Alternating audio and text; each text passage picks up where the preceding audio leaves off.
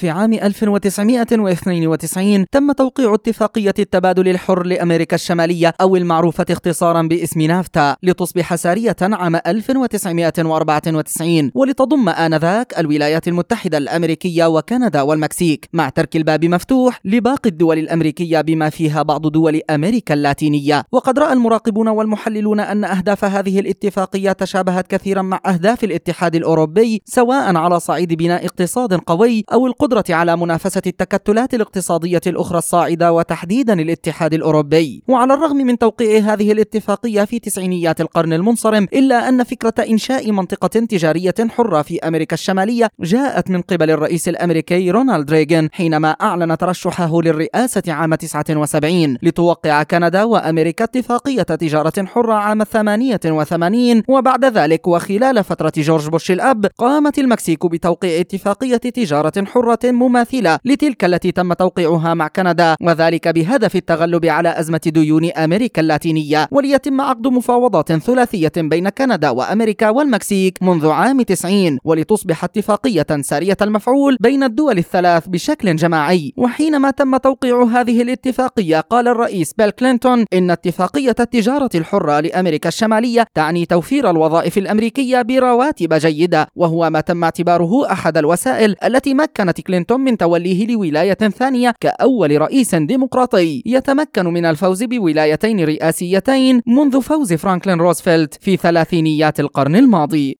مجد النوري لشبكة أجيال الإذاعية.